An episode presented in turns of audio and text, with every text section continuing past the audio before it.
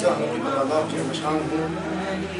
Donosimo salavat i salam na posljednjeg Allahu, poslanika Muhammedu sallallahu alaihi wa sallam. Kaže uzvišeni Allah subhanahu wa ta'ala Ja ayuha alladhina amanu taku Allaha haqqa tuqatihi wa la tamutunna illa wa antum muslimun. Ovi koji vjerujete, bojite se Allaha jalla šanuhu istinskom bogobojaznošću i nemojte umirati osim kao pravi muslimani. Allah subhanahu wa ta'ala molimo da nas učini od onih koji da se boji istinskom bogobojaznošću od onih koji će umrijeti samo kao pravi muslimani. Draga braćo, u našem prošlom predavanju govorili smo o jednom velikom događaju u istoriji Islama koja se zove bitka na Ubudu. I s namjerom smo gledali da spomenemo što više primjera hrabrosti ashaba Allahu poslanika sallallahu alaihi wa sallam i požrtvovanosti njihove kada je bio u pitanju život Allahu poslanika sallallahu alaihi wa sallam. Sve te primjere koje smo spomenuli treba satim da nam bude samo jedan cilj. A to je da vidimo kakav je bio njihov život kada je bila u pitanju Allahu ađal šanuhu vjera i širenje Allahu ađal šanuhu vjera. I zato ono što treba, ono sa čim treba da se okitimo mi kao mladi muslimani, kao generacija koja svoju mladost, hvala Allahu za lašanu, provodi u islamu, jeste upravo ta stvar, a to je hrabrost i žrtva, požrtvovanost za Allahu subhanahu wa ta'ala vjeru. Draga braćo, e, večeras smo trebali da govorimo, odnosno spomenut ćemo stvari koje su vezane za i događaje između Uhuda i sljedeće velike bitke koja je poznata kao bitka na Ahzabu. Međutim, između ove dvije bitke, a to je bitka na Uhudu i bitka na Ahzabu, je bilo koliko? Znam neko koliki je bio period između ove dvije bitke. Prošli put smo spomenuli kada je bila bitka na, na Uhudu. Koje godine je bila bitka na Uhudu? Treći. Treći u kojem mjesecu? U Ševalu. treće mjesto, u Ševalu. Treće godine po Hidri je bila šta? Bila bitka na Uhudu. Kada je bila bitka na Ahzabu? Bitka na Ahzabu je bila također u Ševalu, međutim dvije godine poslije.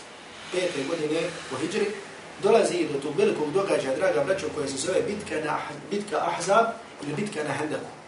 Zbog, zbog čega ima ova dva naziva?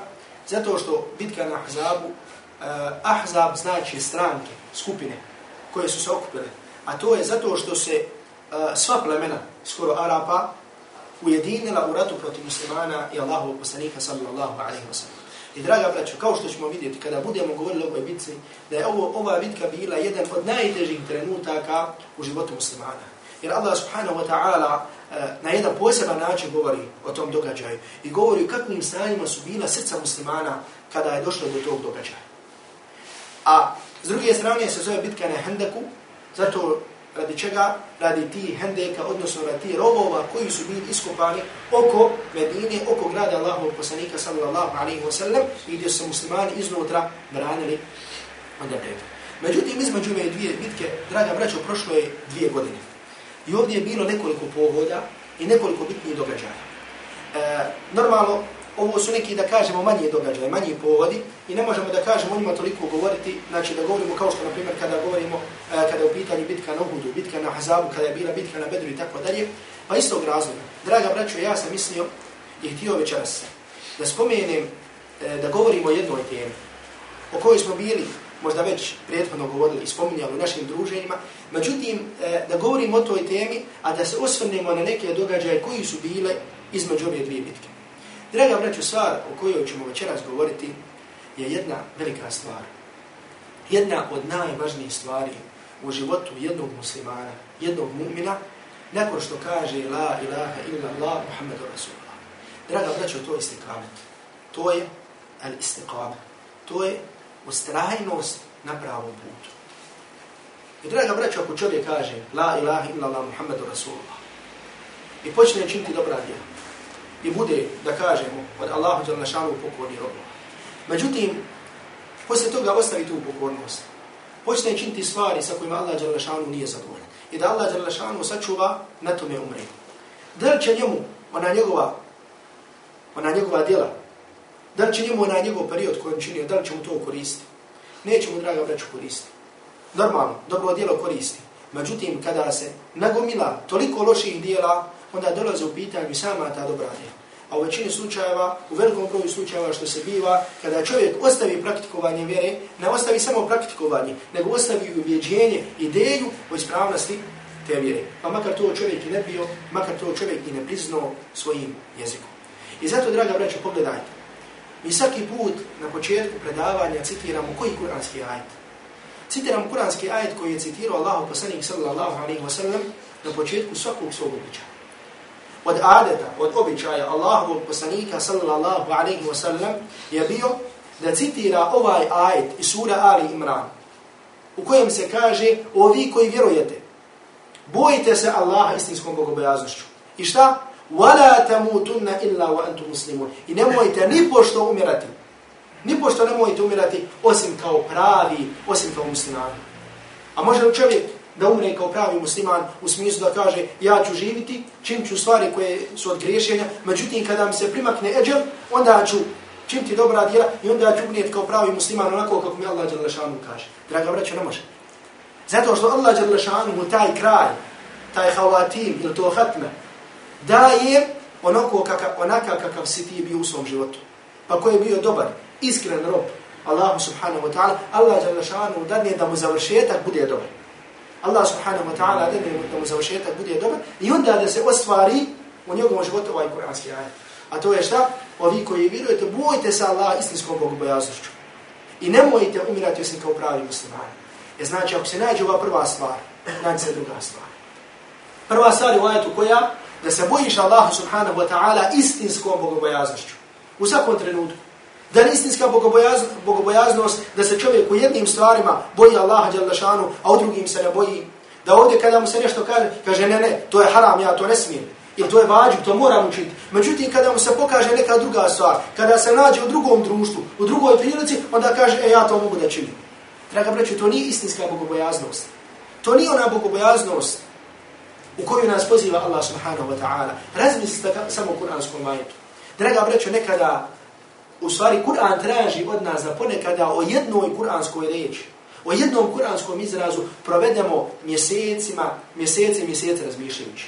A to je, na primjer, da sebi postavimo ovdje pitanje šta znači istinska bogobojaznost? Da čovjek postavi sebi pitanje. Evo da kažemo, koliko smo predavanja poslušali? Koliko smo puta poslušali ovaj kuranski aj? Sa kojim skoro svaki predavač počne svoje predavanje? Ovi koji vjerujete, jesmo li mi koji vjerujete? Normalno. Hvala Allahu jalla šanu, mu'mini smo, vjerujemo Allahu subhanahu wa ta'ala.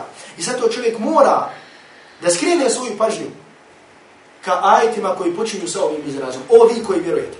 Jer Allah jalla šanu kada kaže o ljudi, obraća se ljudima i nevjernicima. I u, i, i, u većini slučajeva dolaze opšte stvari. O ljudi mi smo vas stvorili, o ljudi mi ćemo vas proživiti. Međutim, kada Allah jalla šanu kaže ja ayuha amanu, Allah jalla šanu ovdje e, dolazi do jednog posebnog da kažemo, ističe vjernike. Na, jedan, na jednu posebnu deređu, na jedno posebno mjesto stavlja vjernike.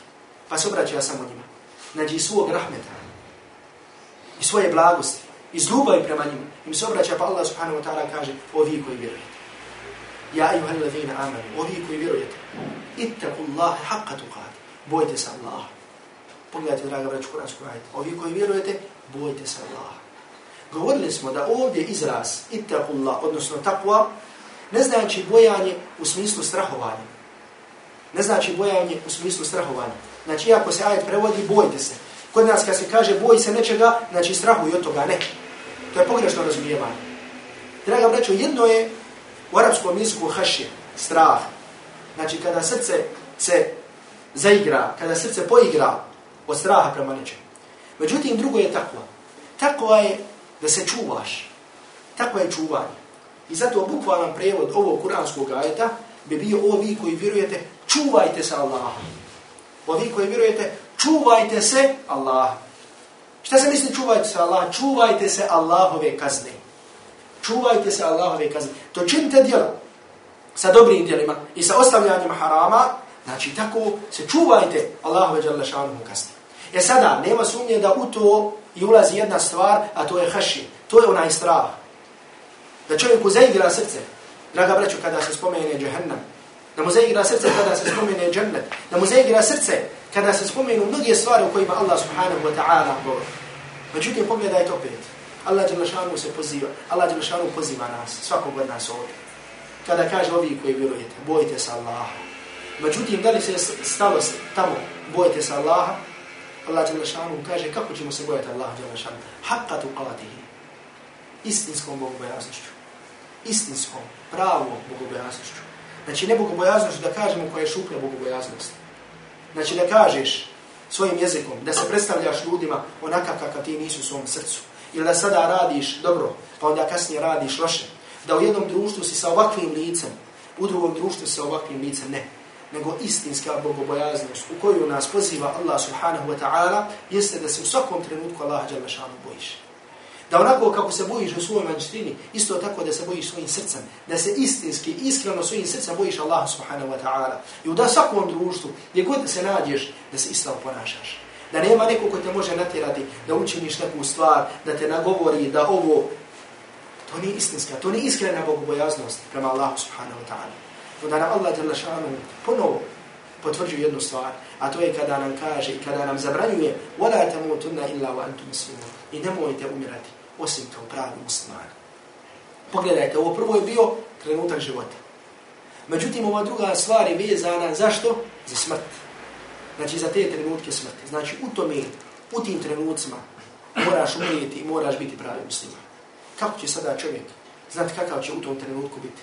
Kako ću u tom, u tom trenutku postupiti? I većinom tada, draga braćo, kada dolaze smrtni nauci, čovjek biva nemoćan.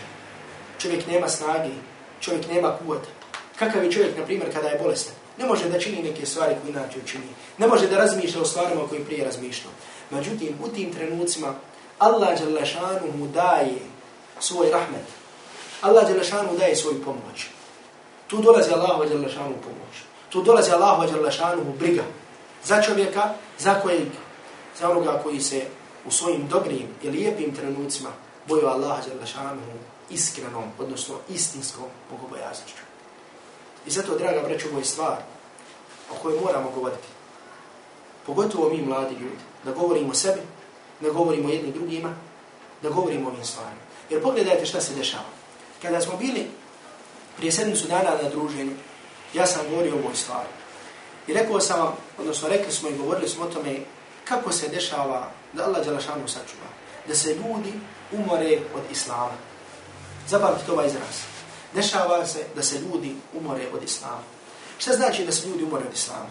Znači čovjek, na primjer, spoznao je vjeru, razumije vjeru, počeo je klanjati pet vakat namaza, počeo se družiti sa mumijskim društvom, tako je bilo možda jedno vrijeme, nekoliko mjeseci, nekoliko godina, čovjek je posle toga to ostavio. Učio je Kur'an, trudio se, išao je na predavanje, međutim ostavio. Zbog čega jednostavno čovjeku nije to više moda. Jer normalno svaka stvar koja ti dođe nova u život, to je na jedan način moda. E je tako znači da kažemo i čovjeku, kada vjera tek dođe u prvim danima, možemo da kažemo biti na jedan način trend. Međutim, onaj čovjek koji je iskren, koji je iskreno prihvatio Allahu Đalešanu vjeru, on će ustrajati. On će razumjeti zbog čega je prihvatio. Jer normalno, znači, srce osjeća jedno posebno stanje kada dolazi do promjene. Međutim, posle toga čovjek ostav jednostavno, umorio se da klanja, umorio se da se druži sa pra, da se druži sa pravim društvom i više toga nema. Također se dešava na primjer da kažemo hajde neko koji je za deređu bolji, bolji. Znači trudio se da što više nauči o islamu, da nauči učiti Kur'an, da nauči e, išao po predavanjima, bio redovan na predavanjima. Nije se moglo zamisliti da bude predavanje, a da on negdje sjedi, da on negdje leži, da on nešto gleda, da pije kafu i tako dalje. Zar je moguće, znači, da jedno muminsko srce ne bude tamo gdje se spominje Allah subhanahu wa ta'ala, gdje se govori o poslaniku, alaihi salatu wa salam, gdje se govori o propisima vjeri.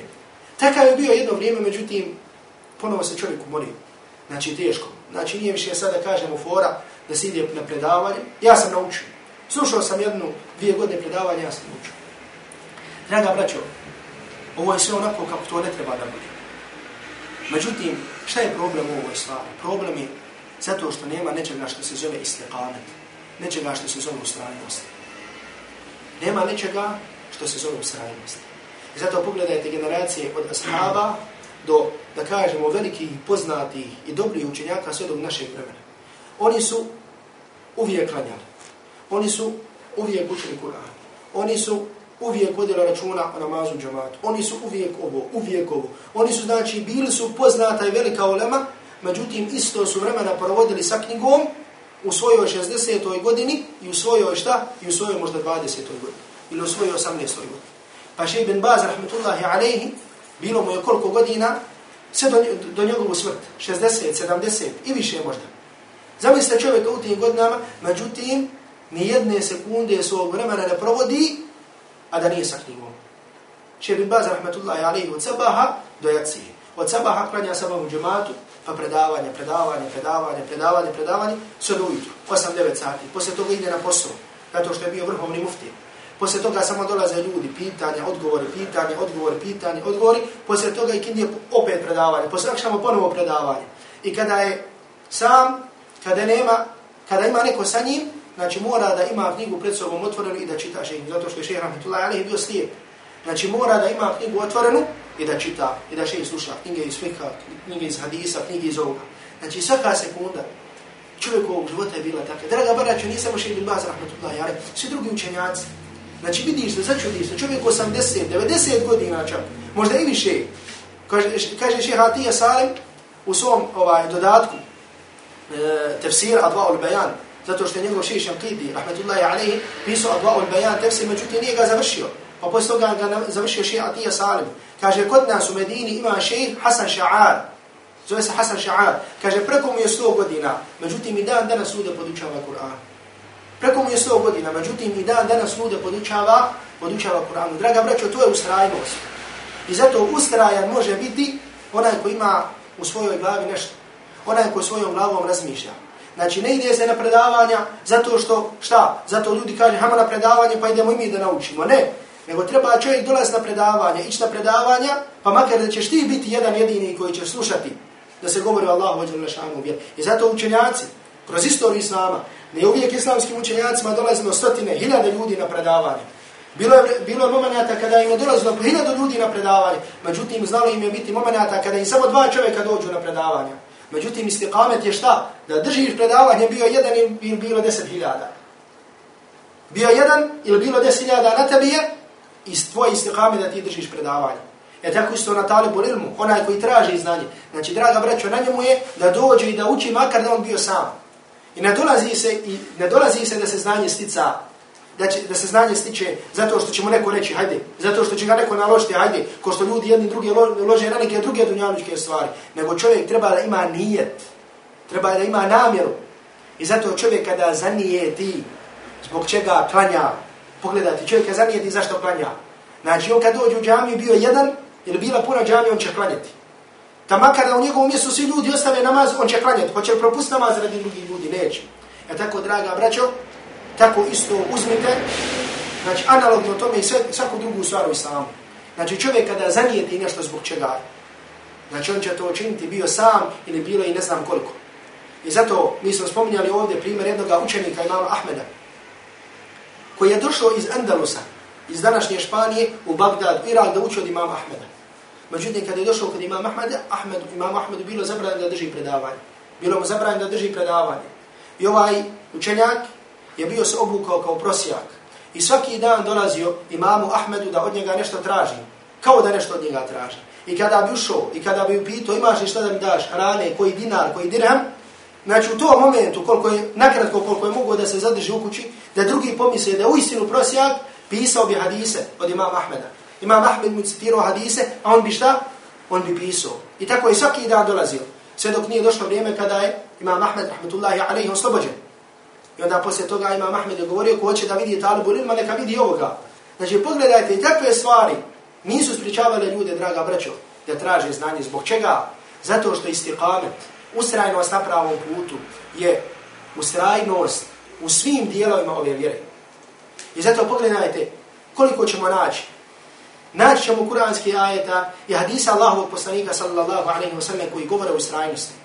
Kada Allah subhanahu wa ta'ala kaže Inna alladhina qalu rabbuna Allah thumma istaqamu tatanazzalu alayhim almalaika. Oni koji kažu naš gospodar je Allah zati na tome ustraju njima se spuštaju meleci. Alla takhafu wa la tahzanu. Nemojte se šta? nemojte strahovati, nemojte biti žalosni. Wa abshiru bil jannati allati kuntum tu'adun. I budi i radujte se džennetu koji vam je šta? Koji vam je obraćan. Koji vam je obećan. Inna alladhina qalu rabbuna Allah thumma istaqamu fala khawfun alayhim wa lahum yahzanun. Oni koji kažu naš gospodar je Allah, a zatim na tome ustraju, oni nemaju, oni neće imati straha.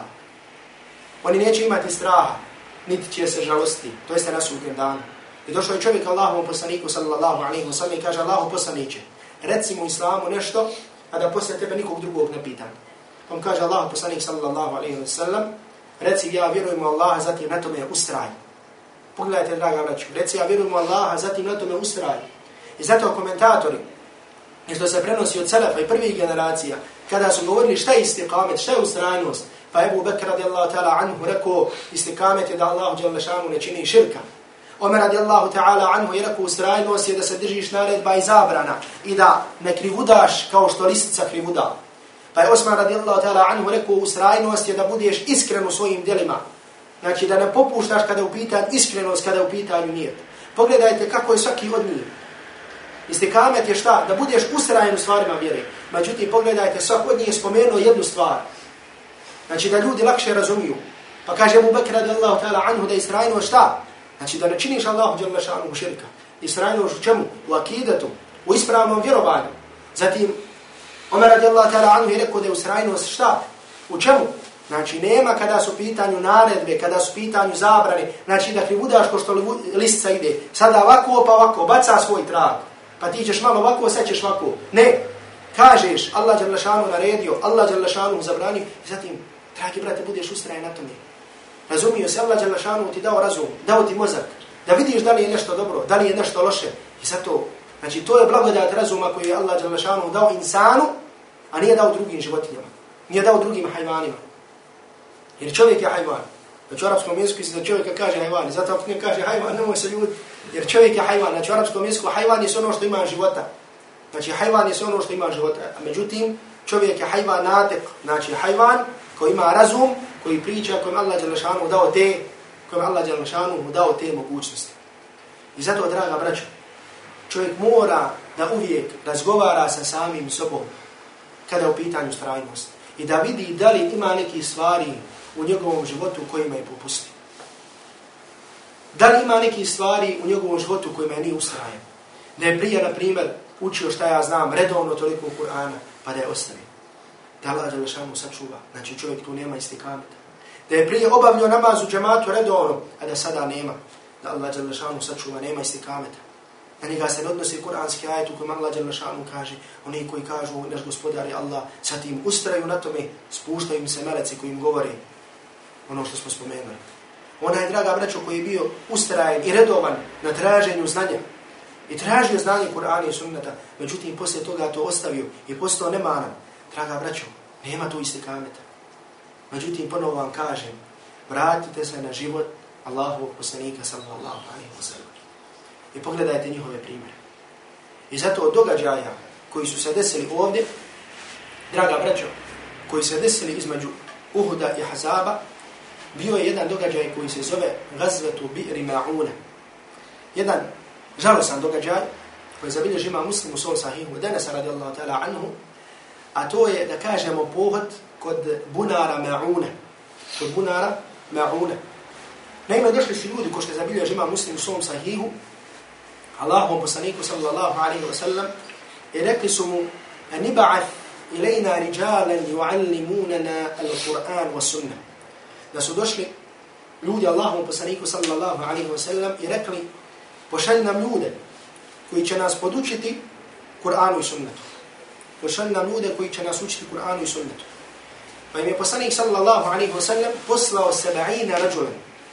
Pa im je Allah poslanik alaihi salatu wa sallam poslao sedamdeset ashaba, sedamdeset ljudi koji su imali nadimak al-Qurra, koji su imali nadimak učači Kur'ana. Znači to je da kažemo bila jedna skupina među ashabima Allahovog poslanika alaihi salatu wasalam koji su bili odajani ibadetu. Pa se kaže između ostalog da bi po danu sjekli drva, drveća, da bi skupljali drveća, da bi to prodavali, da bi od toga živjeli, da bi davali sadaku. Međutim, po noći bi bili u ibadetu, po noći bi bili u ibadetu, po noći bi učili Kur'an i tako dalje. Međutim, Allah poslanika alaihi salatu wasalam, ovi 70 odabrani ashaba, šalje u mjesto Neđd, znači to je tamo blizu današnjeg Rijada. I u rivajetu se kaže da taj čovjek koji je tražio od Allahov poslanika alaihi salatu wasalam, da mu je poslanika alaihi salatu wasalam rekao, ja se bojim, ja se za njih bojim stanovnika Neđda. Bojim se da će nešto učiniti. Međutim, ovaj čovjek je rekao, oni će biti u mojoj zaštiti. Oni će biti u mojoj zaštiti. I normalno, draga obraća, sad dolazi ovdje jedno pitanje, sada dolazi pitanje ustrajnosti, dolazi pitanje stikamata, a to ustrajnost su dali. Znači, ako širimo Allahu Đelešanu vjeru, ako naređujemo na dobro, ako odraćamo od zla, od zla, znači trebamo otići tamo i na ona mjesta gdje se bojimo. Jer radi daveta, radi pozivanja ka Allahu subhanahu wa ta'ala, znači ne smije ko čovjeka da bude strah. I ovi 70 ashaba Allahu poslanika alaihi salatu wasalam je krenulo, međutim, e, da kažemo na način, bili su presretani kod mjesta, kod bunara koji se zvao Me'une, koji se zvao Me'une, i svi ovi 70, i svi ovi 70 ashaba Allahu poslanika alaihi salatu wasalam je bilo pobjedno. Svi ovi 70 ashaba Allahu poslanika sallallahu alaihi wasallam su bili pobjedni. Osim možda jedan ili dvojice, koji su bili izmakli, međutim koji su neposredno posle toga također preselili. Posle toga poslanik alihi salatu wasalam je kao što je zabilio imam Ebu Davud u svom sunanu mjesec dana mjesec dana učio kumut dovu i posle sabaha i posle podne i posle kindi i posle akšama i posle jaci odnosno na ovim namazima. Znači posle rukua kada bi se digao poslanik sallallahu alaihi wasallam bi učio kumut dovu proklinjući ova plemena. A to je bilo pleme Re'al i pleme Zakwan, znači koji su to učinili, koji su stvari bili pozvali da im dođu da ih poduče. Jer oni kada su došli kod Allaha poslanika, alaihi salatu wasalam, nisu rekli da su primili islam. Nego rekli su ono, ko zainteresovani smo za islam pa i pošalju. I oni su poslani, međutim, došlo je do onoga do čega je došlo i normalno ovo je bio, draga braću, jedan veliki, jedan veliki gubitak, znači skoro da kažemo poput gubitke, da kažemo možda veća tragedija nego ono što je zadesno muslimane na Uhudu.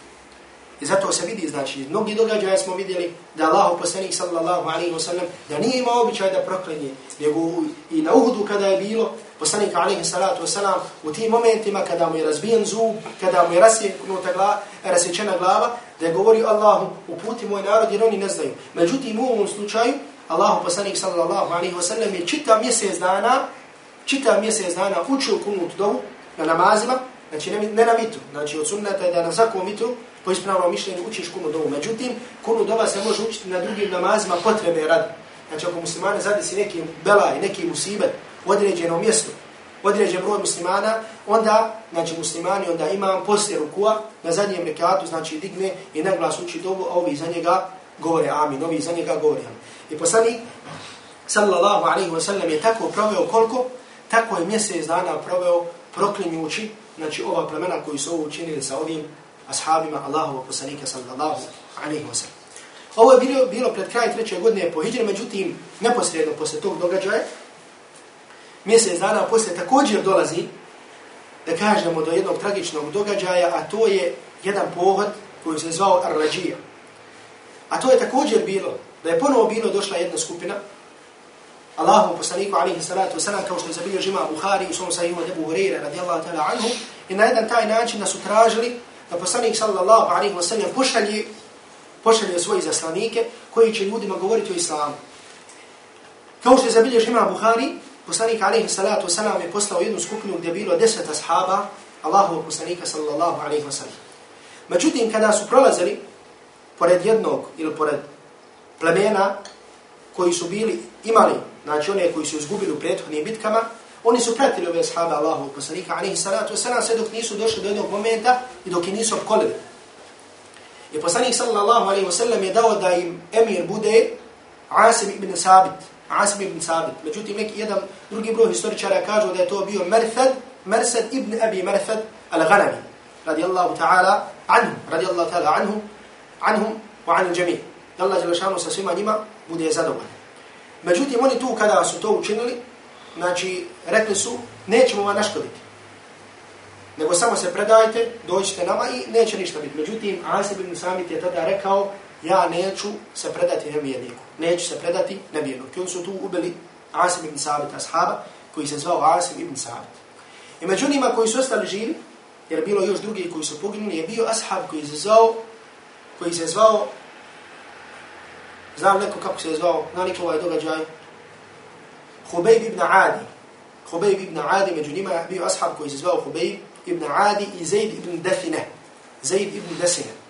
Koga su zarobili i prodali su im mušicima Mekke. Prodali su im mušicima Mekke. Zbog čega? Zato što su upravo oni bili od učesnika na Bedru i Uhudu i što su bili neke od velikana Kurejšije. I normalno, Hubejb ibn Adija su prodali porodici Harisa, a on je bio taj koji ubio Harisa u bitci u prethodnim bitkama.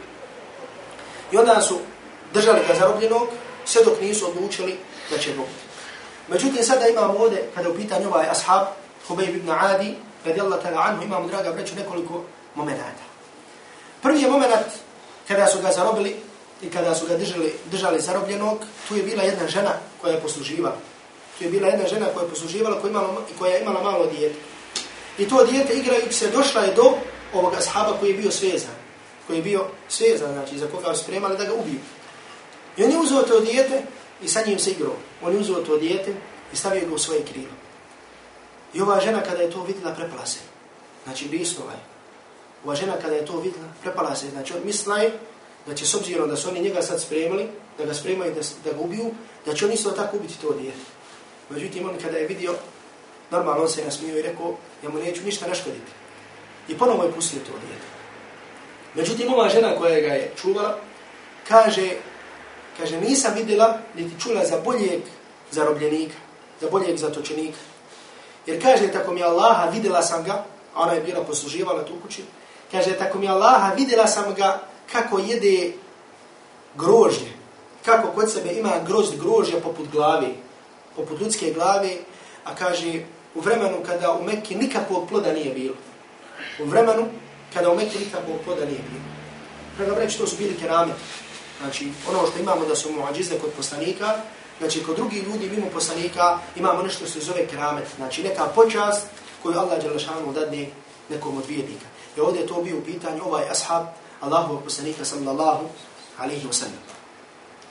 I draga braćo, došlo je vrijeme kada su ga izvali da ga ubiju, jer njega su razapeli, znači, i ubili ga, i tako su bili naredili da se ostavi njegovo tijelo, međutim, jedan je kriomica je došao, spustio njegovo tijelo i zakupio. Međutim, kada su došli da ga ubiju, on je rekao, da li ćete mi dozvoliti da klanjam dva rekiata?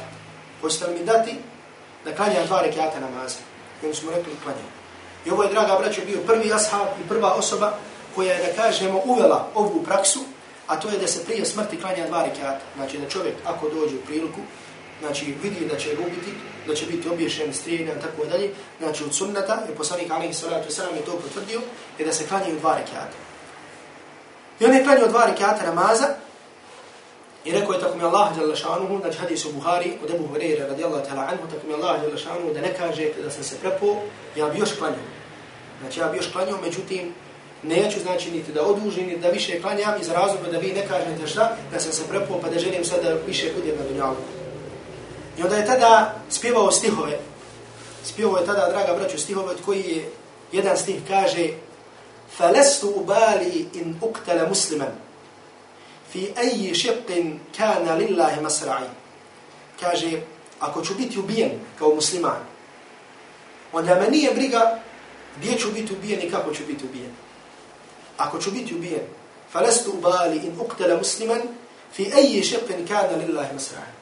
Znači nije me briga ni tu što se sekiram i brinijem za to, ako ću biti, ako ću preseliti musliman, na koje mjesto i kako, znači kada je to radi Allah šanu, na kakav način će biti moje ovaj smaknući i tako da. I onda ga tada pitaju, znači nekoliko trenutaka, pitaju ga, ovo je drugom rivajtu na Buhari, pitaju ga, bili kaže sada volio da si kući, pitaju ga sahaba, bil volio sada da si kući, a da je na tvojom mjestu Muhammed. Bil volio sada da si kući, a da je na tvojom mjestu sada Muhammed. Pa kaže ovaj ashab radijallahu ta'ala anhu.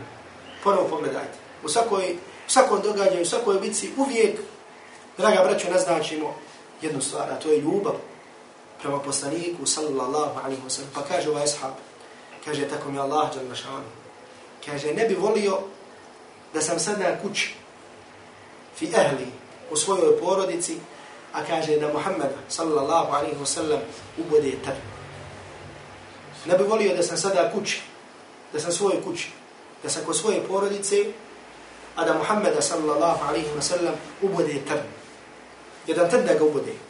Ja ne bi volio to da se desi, da se taj jezijet desi Allahom poslaniku sallallahu alaihi wa sallam. Šer, svi ćemo mi preseliti. Svi ćemo mi preseliti. Svi ćemo mi otići u dunjavu. Ko što kaže ših Abdallah Azam, rahmetullahi alaih, ko što je govorio, al mautu wahida, fa nekun fi sabilillah. Kaže, smrt je jedna. Smrt je jedna, pa neka bude na Allahu putu.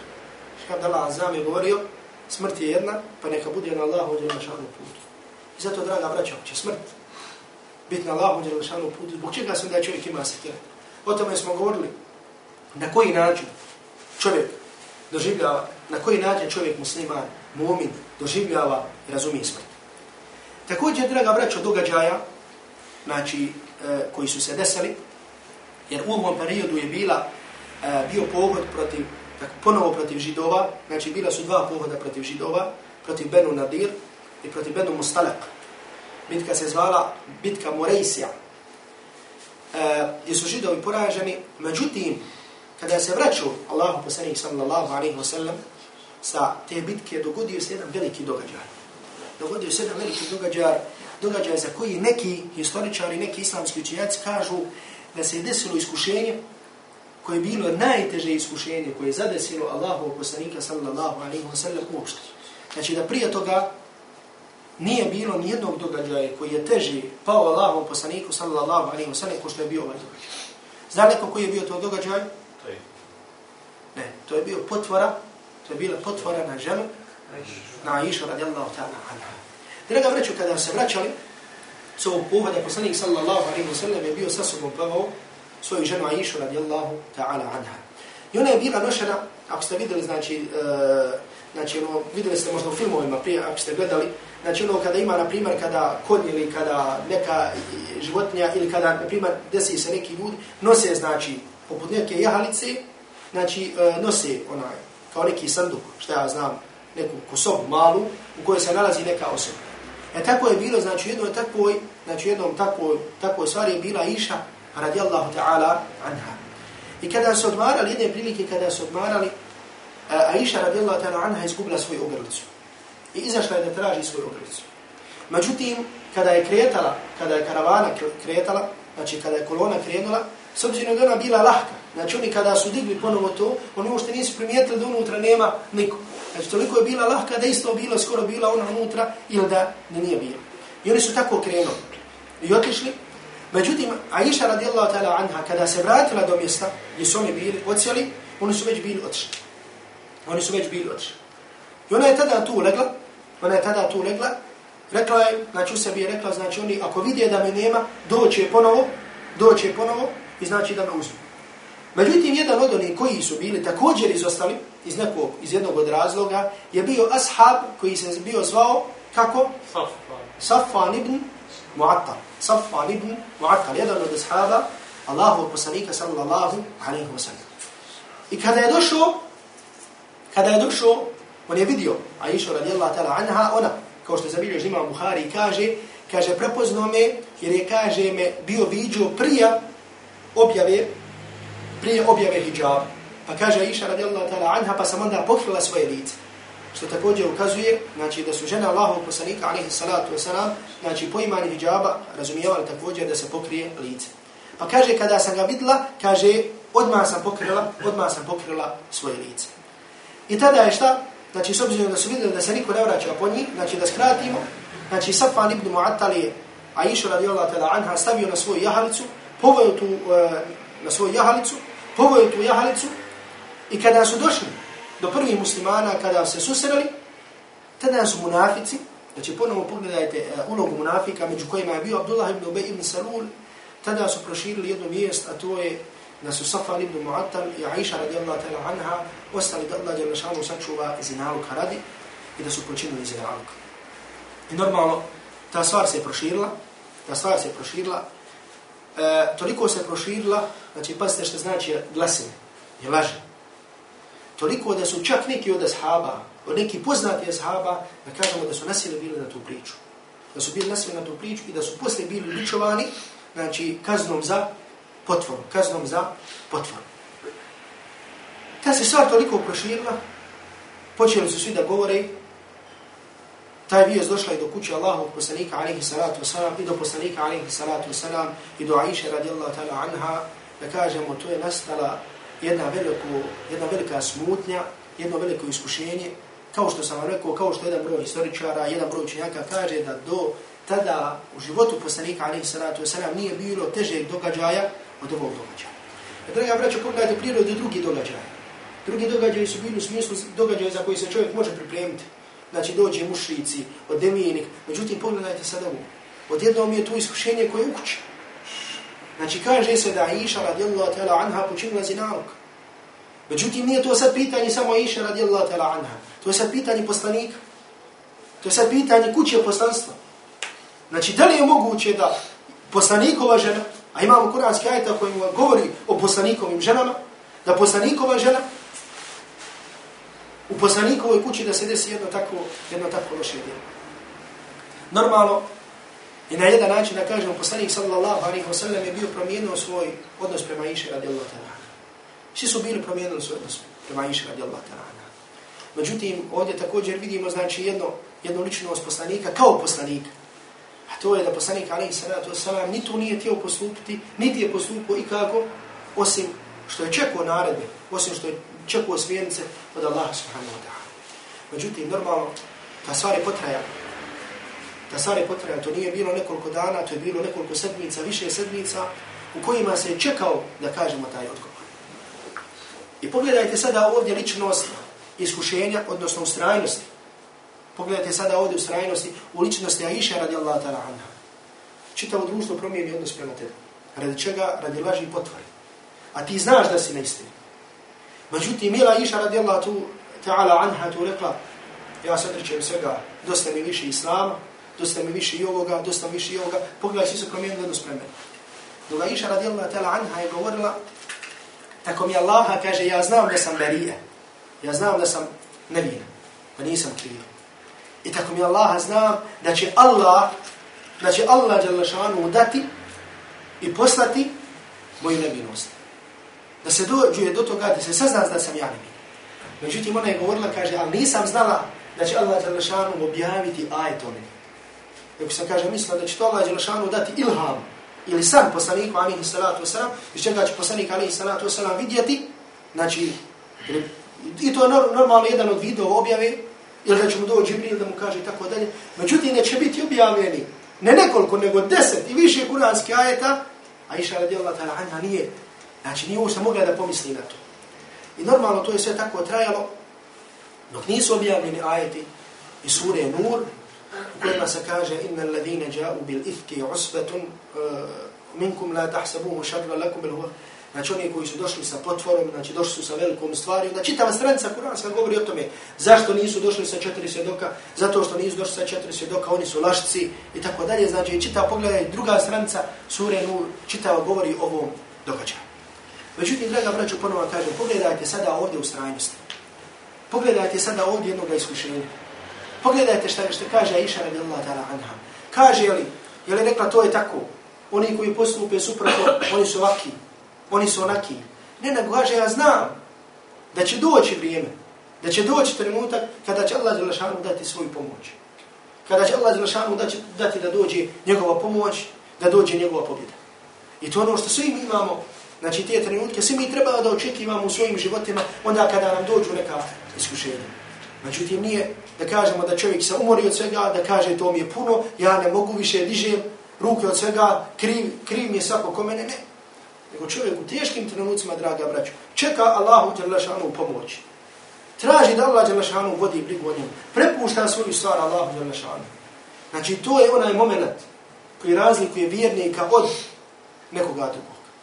I draga braćo, pogledajte, ovdje dolaze kuranski ajeti koji govore o tome kako je Aisha radijallahu ta'ala anha nevina. Međutim, subhana, da Allah Đalešanu sačuva od novotarija, od zabludjelih mišljenja. Pa makar se ta mišljenja i pa makar se ti ljudi, te skupine pripisivale islamu. Vi znate da šije da su šije ubijeđene i da vjeruju da Iša radijallahu ta'ala anha počinila zinalog. Znači oni pored ovih kuranskih ajeta vjeruju u to da Aisha radijallahu ta'ala anha počinila zinalog. Oni vjeruju da Aisha radijallahu ta'ala anha počinila zinalog. Znači u njihovim tefsirima, u njihovim komentarima, ovih kuranskih ajeta ćete ovo naći.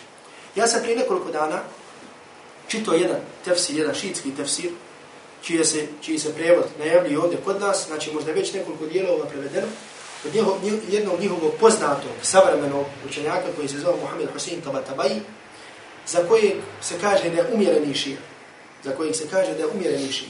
Znači gdje čak i veliki broj ovi naši ehli sunneta, da je tako nazovemo, znači pozivaju na sva usta, znači na sva zvona, znači kako je to jedan od umjerenih šija, znači kako je dao doprinos ovaj, razmijevanju Allahom Đelešanu govori i tako da. Ja čitam ovo njegovom tefsiru, znači ovo vam kaže ibreta radi, pouke radi, znači šta, znači šta kada je čovjek, e, kada ga vodi strasti, kada ga ne vodi bogobojaznost, kada ga ne vodi, znači želja za istinom, da sazna istinu, dokle, znači, pa čak, pa makar da bio komentator Kur'ana, znači, pa makar da napiše komentar Kur'ana u stotinu tomova, a ne u 20 ili 15 tomova, kaže ovaj komentator, Allah mu dao ono što je zaslužio na sudnjem danu.